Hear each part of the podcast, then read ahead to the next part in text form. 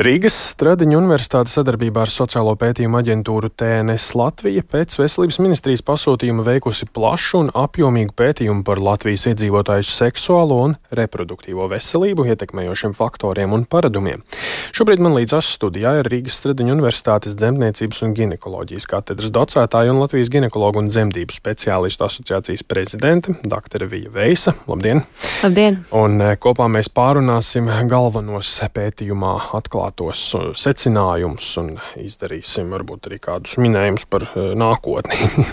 nu, lūk, šāda veida pētījums veikts ir arī 2011. gadā, vai šajā reizē rezultāti varbūt iepriecina, nu, proti, vai cilvēki izpratne veselības uzvedību uzlabojas? Jāsaka, ka noteikti būtu gribējies, lai šie rezultāti būtu iepriecinošāki, jo tās tendences līdzīgas, kādas ir bijušas, nu jau jāsaka, vairāk kā desmit gadus atpakaļ ir arī, ir arī šobrīd, jo aizvien liela daļa sabiedrības eh, dod priekšroku nedrošām izsargāšanās metodēm, liela daļa eh, nes, nepasargā sevi nedrošās dzimuma attiecībās no seksuāli transmisīvo infekciju riska, liela daļa grūtniecība aizvien ir neplānotas un tiek pārtrauktas, un tāpat arī ar izglītību un zināšanām par seksuālo reproduktīvo veselību. Tā, nu, diemžēl tas galvenais eh, avots nevienmēr ir skola, nevienmēr ir ģimene, kur varbūt eh, zināšanas būtu drošākas, iegūstamas, tas, piemēram, ir interneta vietnes un tam līdzīgi. Tādēļ eh, būtu, jā, droši vien priecīgāk ziņot, ka šīs tendences ir mainījušās radikālāk un uz labo pusi. Tā, diemžēl, nav, bet šī pētījuma publicitātes materiālos ir arī minēts, ka jomas izvirzīšana par prioritāti būtu ārkārtīgi nepieciešama, nu, proti, lai valsts to uzskata par vienu no tādiem galveniem mērķiem. Kādēļ valstī šī līdz šim nav bijusi prioritāte, un varbūt arī jūsu vadītā asociācija klauvējusi nav gana skaļi un skaidri un bieži? Es domāju, ka mm, mūsu valstī liela problēma tomēr ir saistīta ar salīdzinoši mazu veselības aprūpas budžetu un mazu budžetu, kas ir veltīts profilaksei, nu, un izglītošana un zināšanas ir daļa no veselības profilakses. Un mēs esam lielu daļu veltījuši un veltam aizvien ielaistu situāciju risināšanai un ārstēšanai. Un, diemžēl, nu, tas prasa daudz vairāk atkal šos resursus nekā tad, ja mēs viņus ieguldītu izglītībā, profilaksē, pieejamībā, kaut vai runājot par skrīningu, runājot par drošu, efektīvu kontracepciju, runājot par kontracepciju sociāli mazāk aizsargātām grupām. Un, nu, tas fokus ir bijis atšķirīgs. Un, jāsaka, arī profesionāļu asociācija, ginekologu dzemdību speciālistu asociācija nu, tādās savās iespēju robežās, protams, ka mēs esam runājuši un virzījuši, un viens no jautājumiem, kas ir bijis aktuāls tiešām gadiem, ar ko esam klauvējuši pie veselības ministrijas durvīm, ir šis kontracepcijas jautājums sociāli neaizsargātām grupām.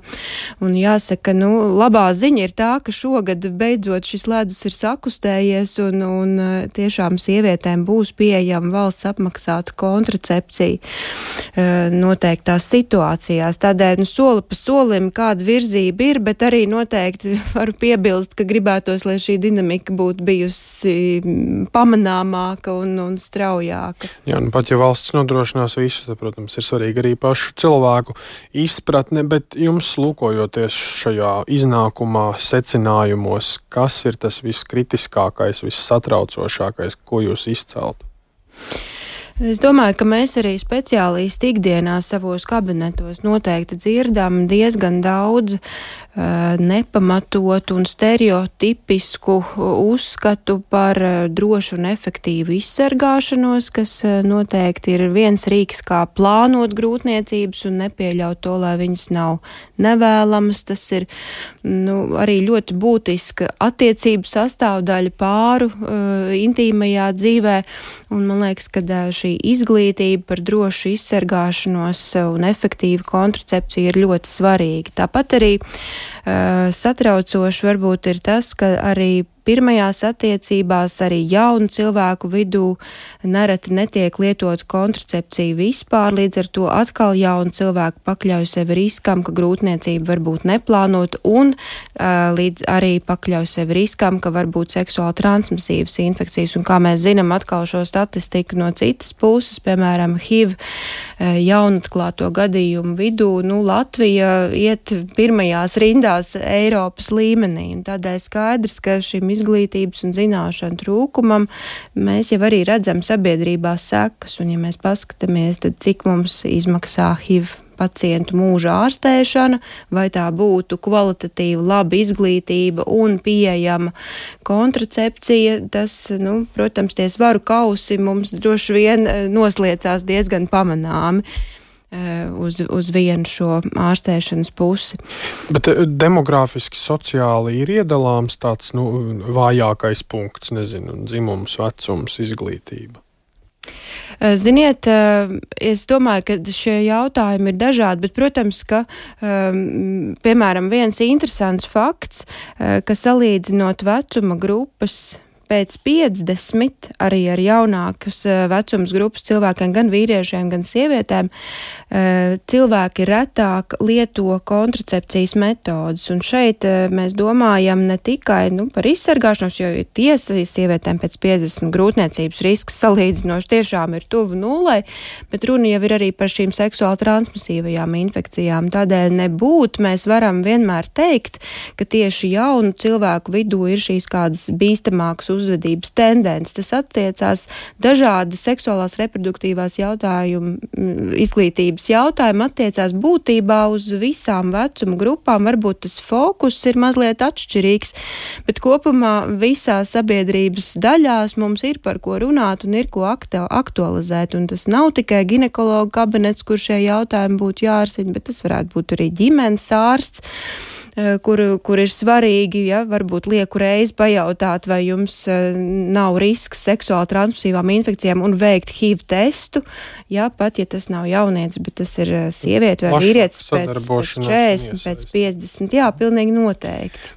Starp šiem secinājumiem iepazīstoties ar tādu pārskatu, redzēju, grūtniecības laikā smēķējusi katra desmitā sieviete. Nu, mēs bieži runājam, ka dažādi jautājumi cilvēkiem ir jāskaidro, jāveicina izpratne. Nu, šis šķiet tāds jautājums, nu, lai nu ko, bet to, ka grūtniecības laikā smēķēt nav labi, nu, to šķiet tomēr zina ik katrs vai teju ik katrs. Es ar, tu, ar to es gribu vaicāt, vai tiešām viss ir tikai par izpratnes veicināšanu. Um, tas noteikti arī ir par atbildību, un tas noteikti arī, arī par to, cik šīs grūtniecības ir bijušas plānotas un vēlamas, jo ja ikdienā tiek lietotas nedrošas izsargāšanās metodas, tad tiešām liela daļa grūtniecība atnāk negaidot. Līdz ar to arī kaitīgie faktori, kas uh, dzīvē ir bijuši šai sievietei, kaut kādā grūtniecības etapā noteikti ir turpinājušies. Uh, un, un, un jāsaka, nu, jā, arī grūtniecības plānošanas jautājums un tāds veselības pratības jautājums ne tikai seksuāls seksuāli reproduktīvajā jomā ir ļoti būtisks. Tātad par to, ka sievietei vajadzētu būt veselai pirms plānotas grūtniecības, ja viņa ir slima, tad viņai šīm slimībām ir jābūt kompensētām, ir jālieto noteikti uzturbagātinātāji, folskābi, jods, D vitamīns, kas jau no pirmajām šīm grūtniecības attīstības nedēļām ir ļoti būtiski veselīgi bērniņa attīstībai. Diemžēl arī liela daļa nu, um, šīs rekomendācijas nav ņēmušas vērā.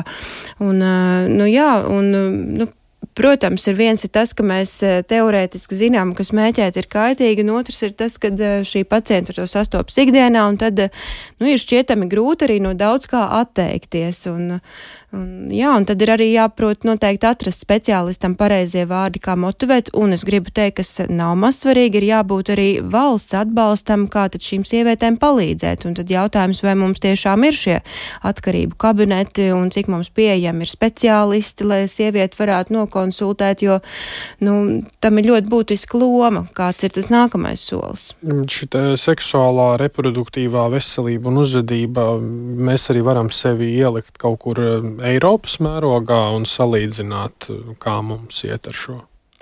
Jā, nu jāsaka, ka Eiropas valstis, protams, arī šos savus faktorus ir pētījušas, bet nevienmēr to ir tik vienkārši salīdzināt, jo atšķirās gan jautājumi, gan metodika. Nu, bet šodien Rīgas Tradiņu universitātē ir plānota tiešām šāda pētījuma prezentācija, kur, kur būs arī citu valstu pieredze un pētījumi. Es domāju, tad mēs arī varēsim tā mazliet salīdzināties, kā mēs izskatāmies uz citu valstu fona. Bet cik vispār viegli pētīt šādu jautājumu? Iedzīvotāju seksuālā reproduktīvā veselība, īpaši tie paradumi, nu, savā guļamistabā tā teikt jau neviens nelaiž.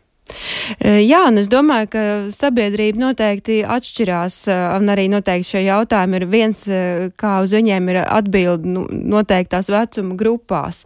Un tas noteikti nav vienkārši, bet nu, jāsaka, ka pētniekiem ir izdevies veiksmīgi šo realizēt, jo respondentu skaits ir ap 4000, kas ir ļoti jaudīgi un reprezentatīvi. Un, un, un es domāju, ka šie rezultāti līdz ar to mums ļoti daudz ilustrē par, par sabiedrību un sabiedrību sabiedrības seksuālo un reproduktīvo veselību kopumā.